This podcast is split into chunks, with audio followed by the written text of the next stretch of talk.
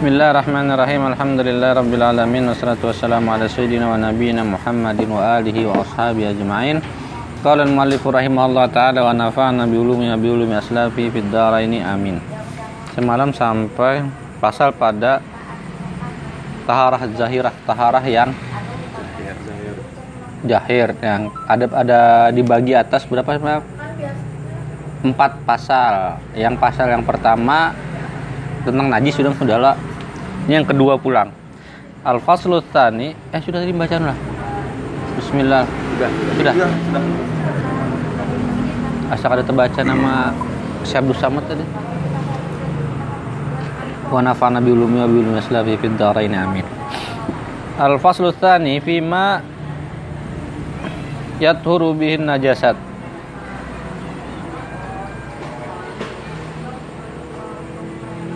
Yuthir, yuthir lah, karena membersihkan. Kamu merasa anu kayak apa? Hah? Kayak apa tadi? Al faslu tsani fima yuthiru yathuru lah, yathuru lah bihin najasat. Bermula pasal yang kedua, yang semalam kan pasal yang pertama kan soal najis. Nah, Di dalam masih uh, bab keseluruhan itu tentang pasal taharah zahirah. Bermula pasal yang kedua itu pada menyatakan suatu yang menyucikan akan segala najis. Ketahui olehmu, wahai tulab, wahai salik, wahai murid, kata Syekh Abdul Samad, bahwasanya yang menyucikan akan najis itu ada kalanya jamit, ya semua sudah dianulah disabilan. yakni suatu yang keras, benda yang beku. Jamat, jamat atau jamit. Ada kalanya ma'iat yakni suatu yang cair. Jadi najis itu ada dua najis yang jamit dan najis yang cair. Najis yang keras dan najis yang cair. Ya itu bisa bilang sudah juga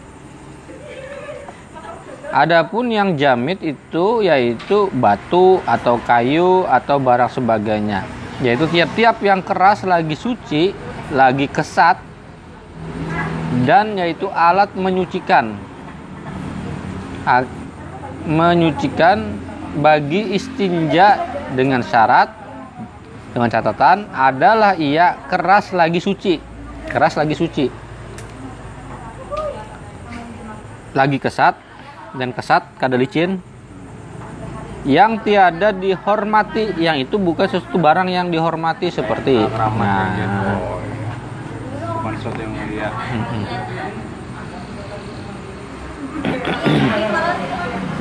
Tempat hatib di jalan nah itu kan sesuatu yang dihormati lah. Rawa. Komando jenderal perang kan ada lagi. Tapi dihormati oleh syara. Yang dihormati oleh syara kan berarti ya ya umum seperti yang lagi akan datang pada kaifiah istinja itu. Nanti akan dijelaskan pada kaifiah istinja. Ini masih uh, Adapun suatu yang cair itu maka yaitu tiada menyucikan akan najis melainkan air yang mutlak. Hanya air yang mutlak yang bisa menyuci. Kalau ke yang keras tadi kan banyak loh, bisa kayu, bisa batu, bisa apa kertas. ya. kayu Kalau kalau air ya yang cair hanya air mutlak.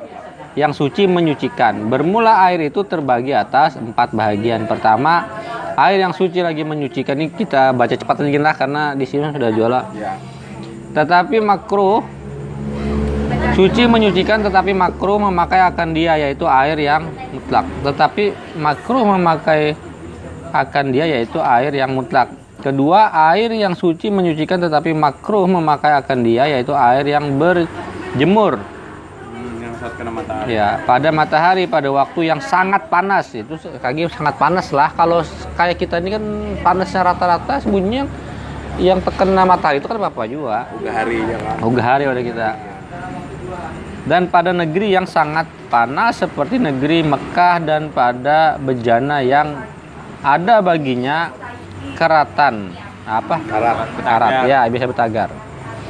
Seperti tembaga dan besi dan timah dan dipakai padahal panasnya itu bersalahan jika dipakai kemudian daripada uh, disejukkan maka yaitu tiada makruh dan demikian lagi makruh memakai air yang sangat sejuk sangat dingin dan air yang sangat panas karena yang demikian itu menyakiti akan badan menyakiti kulit. Bang berarti kan yang nyata lo airnya itu lebih dua kolah lo. Hmm. berarti banyu yang bertampung di drum besi yang kena matahari kan betutup terkawat itulah ada drum besi kalau. Hmm. nah, ini pakai orang nampung banyu hmm.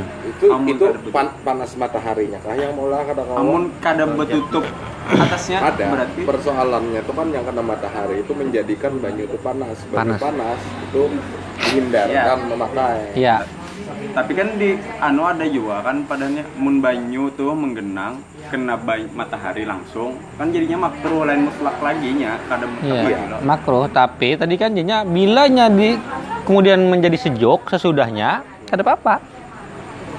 Menjadi dingin sesudahnya artinya kada panas betul. Tapi kalau panas berterusan makro. Sekali lagi hukum makro lah. Itu tetap mutlak tetap mutlak juga air mutlak tapi makro. Tapi makro penggunaannya yang makro. Banyunya tetap banyu mutlak iya. Ya, ada resminya Iya makro, kondisinya makro. Panjang bahas di sini malam Karena semalam itu jika tidak ada lagi air yang lain itu masih kau dipakai. Yeah, yeah. Selamanya kada menyakiti. Yeah. Kita masih kawal nang be Kau aja tuh lah, ada yang sampai kayak baju panas tuh nang. Ya, nah. Masa malam penyakitnya sopak. Ya, karena itu bisa menimbulkan penyakit apa? Sopak lah. Sopak rasanya. Sopak tuh apa? Uh, penyakit kulit. Kayak panal. Kayak panal. Tapi sebenarnya ya tadi kondisinya itu pada menyakiti kulit. Kadang menimbulkan mudarat lah iya. panasnya ya. tuh. Mm -mm. Iya, iya, iya. Ini yang kita kadang lo hantam rata semua air yang kena matahari kita sambat harus dipakai. Ya.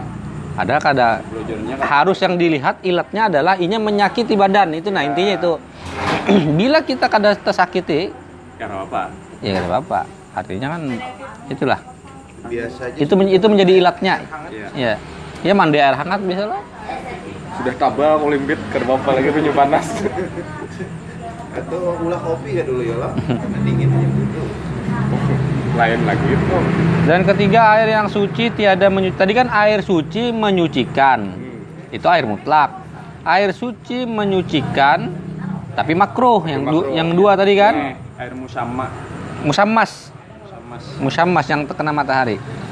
Ketiga air suci tiada menyucikan yaitu air susu yang telah dipakai akan air sembahyang yang fardu atau mandi yang fardu atau air yang telah dipakai pada menyucikan najis yang tiada berubah baunya. Ya air mustamal dan warnanya dan rasanya dan tiada lebih timbangannya daripada sebelum dipakai pada menyucikan najis itu. Dan di demikian lagi air yang suci tiada menyucikan yaitu air yang sangat berubah sebab bercampur dengan suatu yang suci yang terkaya daripadanya. Anu banyak kopi. Nyala banyak kopi banyak teh. Banyak teh banyak kopi. Itu kan suci juga loh kalau diminum. Tapi ini mengubah warna. Iya. Warna rasa. Ya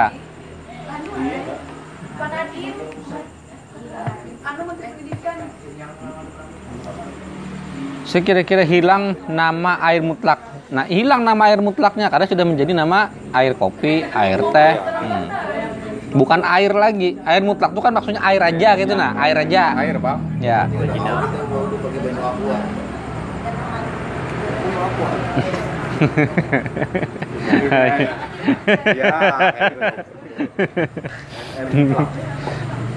Seperti air kunyit atau air kamkama. Air kamkama itu apa? Kamkama malam apa ya? Uh, kesumba, kesumba. Air kamkama atau air kesturi atau guli, gulai atau air garam. Air garam bukit, air garam bukit lah, bukan air garam laut. Air garam laut masih bisa dipakai. Air garam gunung, garam gunung. Yang tiada dinamakan air mutlak. Bersalahan jika berubah dengan sebab keruh dengan lumpur atau berubah dengan garam laut. Nah, itu lumpur atau garam laut tidak masalah. Tapi yang lumpur itu misalnya catatannya ada likatnya lah. Iya. Artinya sampai tanahnya itu banyak panar. Inya lumpur coklat aja, tapi kan masih air. Bukan yang ya likat itu lah, likat itu lumpur. Kita masih kalau disambat banyu kan Nah, itu. Atau garam, air laut maksudnya lah. banyu karo banyu karo Nah, banyu karo masih kak. lain lumpur lumpur kan lain banyu lagi modelnya Parfum berawa aja tuh. Nawa. Jika sangat berubahnya sekalipun maka yaitu suci menyucikan. Artinya biarnya masin banar. Banyu laut itu tetap baik kalau dia menyucikan kan. Biarpun air lumpur itu coklat banar. Tetap kawannya menyucikan. Kayak banyu sungai di Banjar. Ya kayak banyu sungai di Banjar lah. Dan demikian lagi tiada mengapa berubah air itu sebab lama ditaruh atau berubah sebab suatu yang pada tempat berubah eh berhentinya atau pada tempat lalunya seperti berubah dengan bar dengan belerang dengan belerang atau eh, artal artal itu apa sih Om Yo? atau kapur yang pada tempat berhentinya atau berubah dengan daun kayu yang gugur di dalam telaga yang tiada dapat dipeliharakan daripadanya maka yaitu suci menyucikan itu sama sudah dijelaskan lah. banyak daun ya daunnya kan kalau masih kau dipisahkan lah dari banyu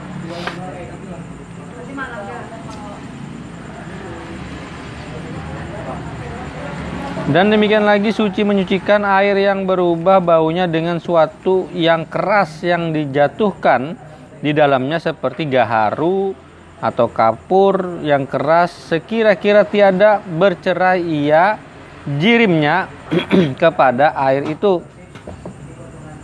Ya gaharu gugur bau harum lah, tapi kada sampai be apa? mengubah air itu. Jirimnya itu kan bagian dari partikel-partikel itu lah Kadang mencemari. kadang mencemari. Ini gugur kayak itu aja. Eh, Hanya maka yaitu suci menyucikan. Dan demikian lagi suci menyucikan air yang berubah baunya dengan suatu yang keras. Oh ini sudah. Berubah baunya lah. Seperti terigaharu atau kapur yang keras sekira-kira tiada bercerai jirimnya kepada air itu atau cendana yang keras atau barang sebagainya. Jadi banyu kayak banyu kembang ya ada apa kan ada apa apa semalam sambatannya ya air kembang lah. Keempat kalau gugur kan harus sengaja Iya. dijatuhkan ini. Yang dijatuhkan di dalamnya kadang mempengaruhi tapi ya kadang mempengaruhi airnya. Kadang partikelnya kada tercerai sehingga mempengaruhi itunya.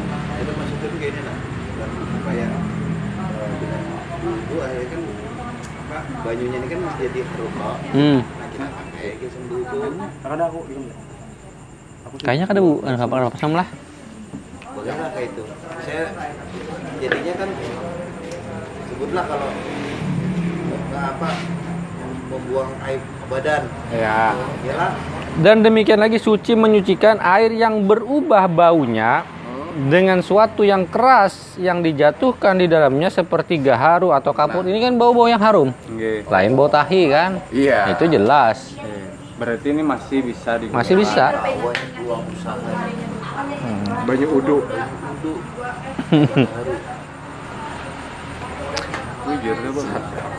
Membuat dia no tandon kena buat tip. Keempat air yang tiada suci lagi tiada menyucikan yaitu air yang kena najis yang kurang daripada dua kula sama ada ia berubah atau tiada berubah dan demikian lagi air yang sampai dua kula atau lebih yang kena najis padahal berubah. Kalau dua ku- kurang dari dua kula keguguran najis berubah kada berubah tetap kada kada bisa dipakai. Kalau di atas dua kula keguguran najis selama kada mengubah bau, rasa, warna kada apa-apa. Eh, berubah rasanya atau warnanya atau baunya maka yaitu tiada suci lagi tiada menyucikan karena sabda Nabi sallallahu alaihi wasallam balagal ma kullatain lam yahmil khabatan. Artinya apabila sampai air itu dua kulah niscaya tiada menerima akan najis. Air itu jika lebih daripada dua kulah, jika sampai dua kulah, kada membawa najis. Yakni apabila ada air itu dua kula atau lebih maka jatuh di dalamnya najis padahal tiada berubah warnanya atau rasanya atau baunya maka yaitu tiada najis. Dan jika berubah salah satu daripada sifat yang tiga itu yaitu jadi najis. Bersalahan air yang kurang daripada dua kula itu maka apabila jatuh di dalamnya najis maka yaitu jadi najis. Air itu dan jikalau tiada berubah warnanya dan rasanya dan baunya sekalipun. Pada madhab imam kita Syafi'i radhiyallahu an mereka Imam Syafi'i gitulah. Inilah hukum air yang tiada mengalir.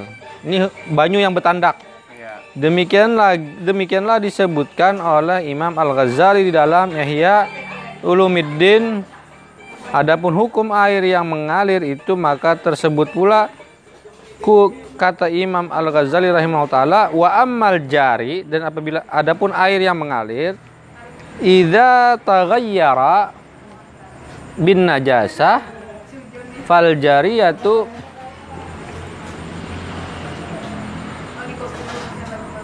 al mutaghayyiratu najasatun. Duna ma fawqaha wa ma tahtaha li anna jariyatil ma mutafasilatun mutafasilat.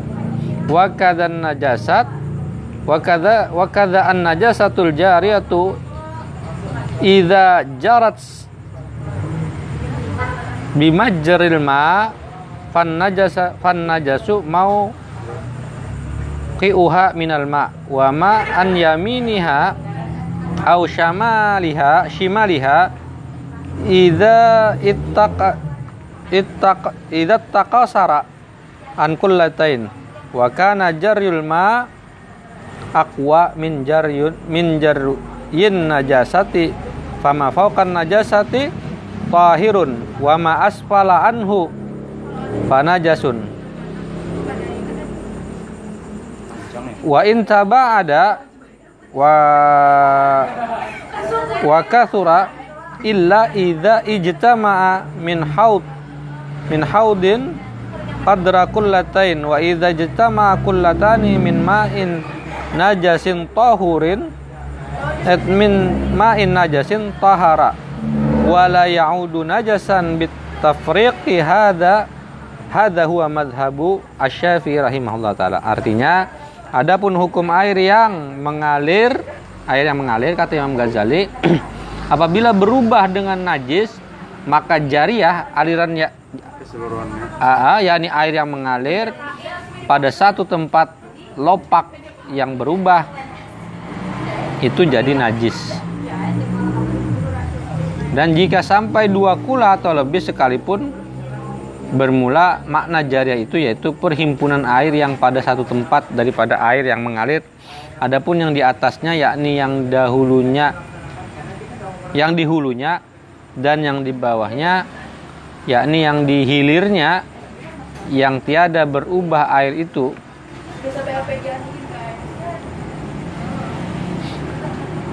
suci menyucikan karena tiap-tiap satu daripada jariah air baginya perceraian.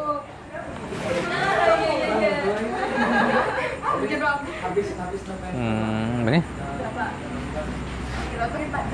Perceraian apa? Tadi panjang mana nih? Iya, panjang benar. Ini mulai min mainannya wala ya bit tafrik bit tafrik percaya ayan racaya racaya. Apa nih? Dan demikian lagi najis itu bersama-sama dengan mengalir air itu. Maka yaitu air yang najis itu tertentu pada tempat najis itu juga. Ada najis pula dan najis pula air yang yang di kanan najis dan yang di kirinya itu. Apabila kurang ia daripada dua kulah adapun jariah air yang di atas najis jariah yang di atas najis itu yakni yang di hulunya dan jariah yang di bawahnya yakni yang di hilirnya maka yaitu tiada najis. Dan jika ada mengalir air itu terlebih kuat daripada najis atau najis itu berhenti pada satu tempat, maka air yang di atas najis itu suci menyucikan. Dan air yang di bawah najis itu jadi najis. Dan jikalau jauh daripada najis itu terkebawah dan banyak sekalipun. Tetapi apabila berhimpunan di dalam satu lopak atau satu teluk, satu lopak satu teluk, sekira-kira sampai dua kulah maka yaitu suci menyucikan dan demikian lagi apabila dihimpunkan daripada air yang kena najis itu di dalam suatu tempat maka sampai ia dua kulah maka yaitu jadi suci menyucikan. Dan tiada dikembali najis ia sebab dicerai-cerai dicerai-ceraikan. Inilah pada mazhab imam kita syafi'i radhiyallahu taala. Tapi sudah sudah jelas paham sudah tentang air yang mengalir ya. Lalu aja Hah? bahasan yang yang benar Ah. bilang Iya, dua dua tempat air, ada air apa? Ada jariah di tengahnya lah, Nah, ada seterusnya itu. Dan itu dalam kondisinya picik lah, picik sempit. ya Jika yang luas kan ada masalah kan? Di atas dua kulah. Tapi ini, ini ini ada air mengalir di sini. Ini najis di tengah sini.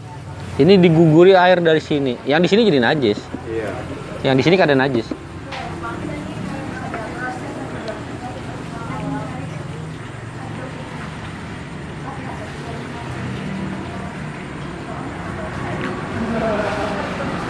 Pada bicara hukum air hingga sampai membawa kepada was, eh, kan ini penting nah. Adapun pada mazhab Imam Malik maka yaitu tiada dihukumkan najis air itu melainkan dengan berubah rasanya. Memang Malik itu kan intinya berubah. Bila berubah rasa warna bau maka najis. Tapi bila selamanya kada berubah rasa bau warna walaupun kayak tadi tuh kayak kasus Imam Syafi'i tadi itu kada najis.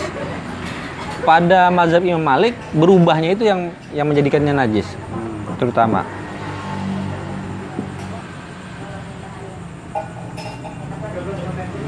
Di mazhab Imam Malik berarti banyak dua kulah nih Hmm. tapi keguguran pulpen pulpennya tuh mengubah warnanya jadi bi- biru bening berarti jadi karakawa dipakai Jadi Syafi'i kan bila di atas dua kulah berubah ya tetap pada dipakai. Oh, iyalah.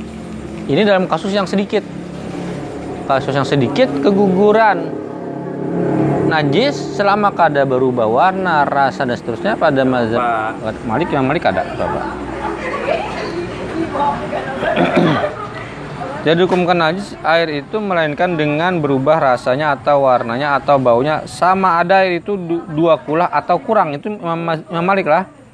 Tetapi jika sangat masyakkah, jika sangat eh, pada mengamalkan mazhab imam kita Syafi'i pada bicara hukum air itu hingga sampai membawa kepada was-was sebab kes- ketiadaan banyak air yang berhimpun dua kulah lagi lagi sahal, lagi sahal lagi mudah seperti negeri Makkah atau negeri Madinah maka ketika itu tiada mengapa ia taklid akan mazhab Imam Malik itu karena sabda Nabi Shallallahu Alaihi Wasallam ikhtilafu ummati rahmah. Nah, dalam kondisi kita sukar menerapkan apa pendapat Imam Syafi'i yang agak ikhtiyatan lah di, di tempat itu air kada banyak. Kita bisa aja taklid ke Imam Imam Malik yang lebih mudah. Nah, dalam kondisi kondisi tertentu lah. Karena itu bisa didasarkan pada sabda Nabi ikhtilafu ummati rahmah. Perbedaan pendapat umatku atau ahli-ahli lah ahli-ahli agama itu rahmat. Dalam burung asal Ya. Ya ini orang yang hendak tak taklid itu mengikut itu, taklid kan me- mengikut lah kepadanya ya ini apabila susah seorang pada suatu hukum mengamalkannya kondisinya darurat, kondisinya susah. Daripadanya was-was akan mazhab dirinya hingga sampai kepada membawa was-was maka ketika itu harus atau boleh taklid akan madhab orang yang lain karena yang demikian itu rahmat daripada Allah Taala. Berarti beda mazhab tuh boleh selama dalam anunya lah ada aturannya. Ah. Lain yang kita campur-campur suka hati. Oh iya kirawa. Oke. Makanya talfik kalau kalau j- dulu aku ingat benar ketika ditanyakan kepada Syekh Nurdin Marbu, talfik boleh lah, boleh Jisidin. Dalam hal mengamalkan sunnah. Kan karena ada perbedaan-perbedaan lah dan semua itu mengikut sunnah. Jadi dengan talfik itu menyempurnakan sunnah, niatnya itu bukan memudah-mudahkan. Iya. Yang kada boleh itu yang memudah-mudahkan itu. Anak cari mudahnya di sini. Kena buduk cara malik. Kena sembahyang cara siapa? Yang yang lebih yang lebih mudah. Ini yang paling mudah. Nah, itu kada boleh. Main favoritnya. Ya.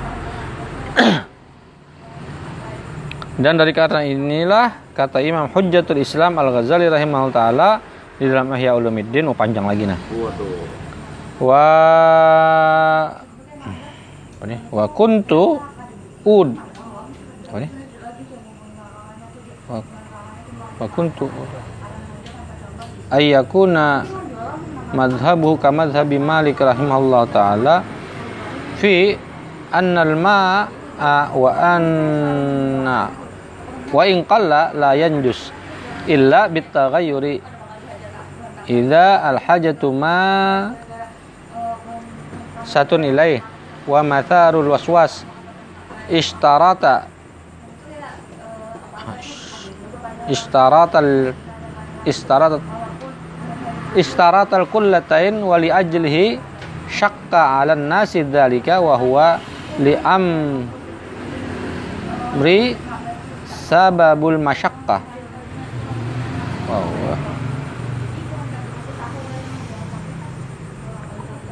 Wa ya'rifuhu min ma yujarribuhu wa yata'ammuluhu wa mimma la asyaqqa asyaqqa fihi anna dzalika law kana masyrutan lakana aulal mawadi bita'assurit tah bita'sirit taharati fi Makkah wal Madinah id la takfiru fihima al-miyah al-jariyah. Jariyatu wala ar-rakidatu al-kathirah. Artinya adalah aku aku kasih. Wa kuntu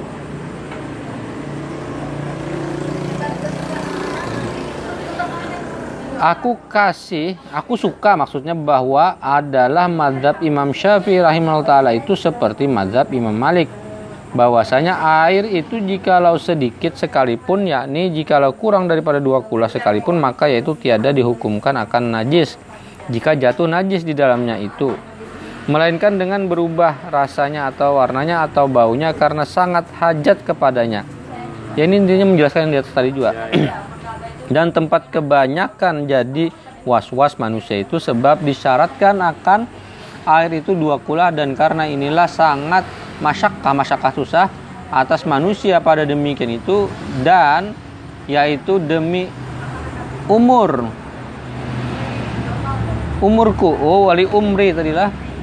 Sebab masyakkah pada bicara air itu dan mengetahui akan dia oleh seorang yang mencoba akan dia dan orang yang ta'ammul akan dia yakni memperkasakan dia dan setengah daripada yang tiada aku syak.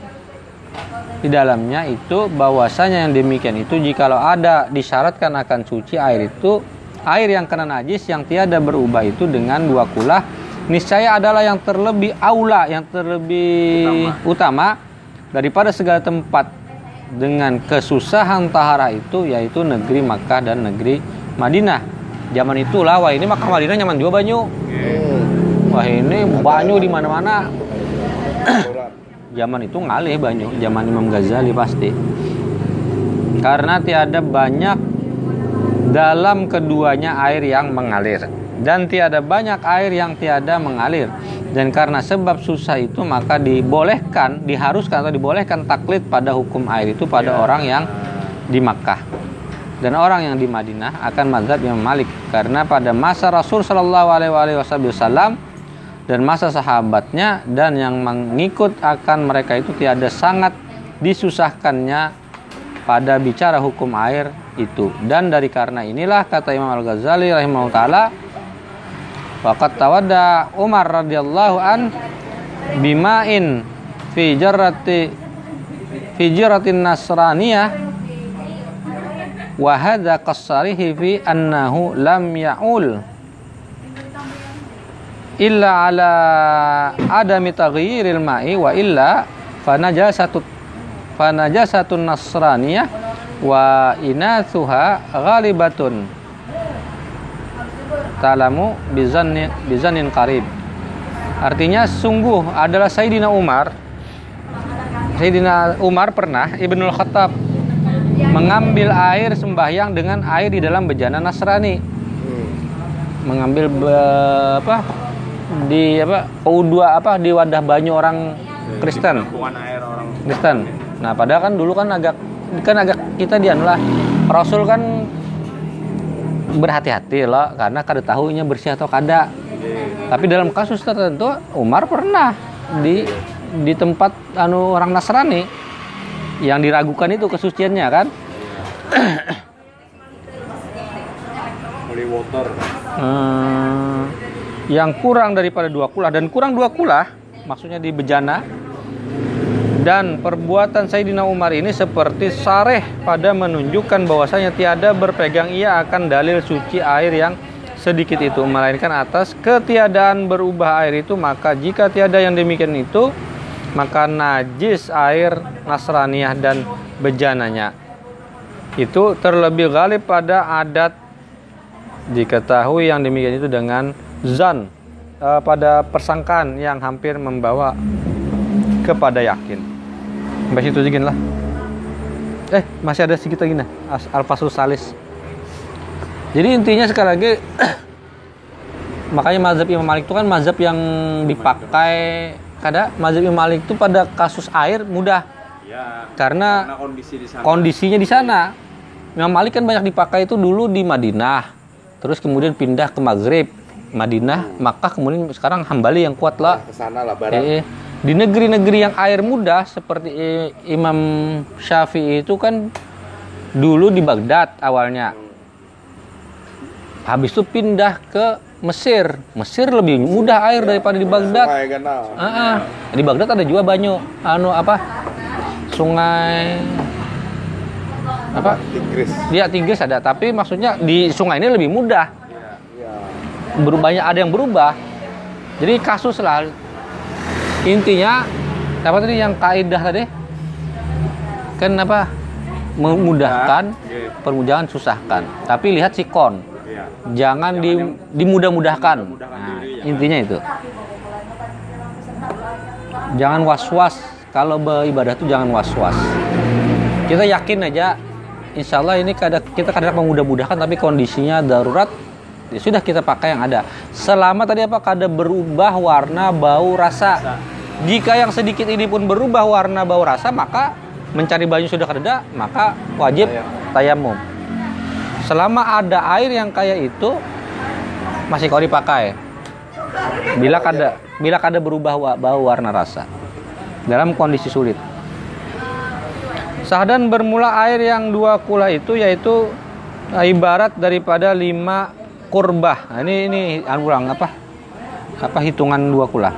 Lima kurbah ahlul Hijaz yaitu ahlul Makkah dan eh, kelilingnya dan tiap-tiap satu kurbah itu berat 100 rital atau 100 liter Irak yaitu ritel Baghdadi dan perhimpunan yang 500 ritel Baghdadi dan tiap-tiap satu ritel itu berat 100 dirham dan dua kulah 28 dirham dan empat eh, apa nih? Sebuah dirham dan tiap-tiap satu dirham itu 17 sagu. Dan adalah eh, air dua kula itu jika dengan sukatan yang persegi empat yaitu sehasta dan enam jari panjangnya dan lentingnya, lintangnya dan di dalamnya dengan hasta manusia yaitu dua jengkal. Ya intinya ini hitung-hitungan yang waktu itu belum standar. Kalau sekarang standar sudah pokoknya 60 kali 60 kali 60. Ini kan sampai 60 juga, Bang. 59 sekian. Anu, indikator bahari Indikator bahari. Kita kan belum ada hitung-hitungan yang jelas. Kalau sekarang sudah hitungannya ada yang lebih iya, ada yang lebih reliable sudah aman. ya. Dan jika dengan sukatan yang ben, apa nih? Yang bundar yaitu dua hasta dan dalamnya dengan satu hasta lintangnya dengan hasta an-najar yaitu satu hasta manusia dan enam jari. Nah, sampai situ habis. Ini indikator bahari Hmm. lah Ini tadi pasal apa tadi? Pasal tentang apa tadi kita tadi?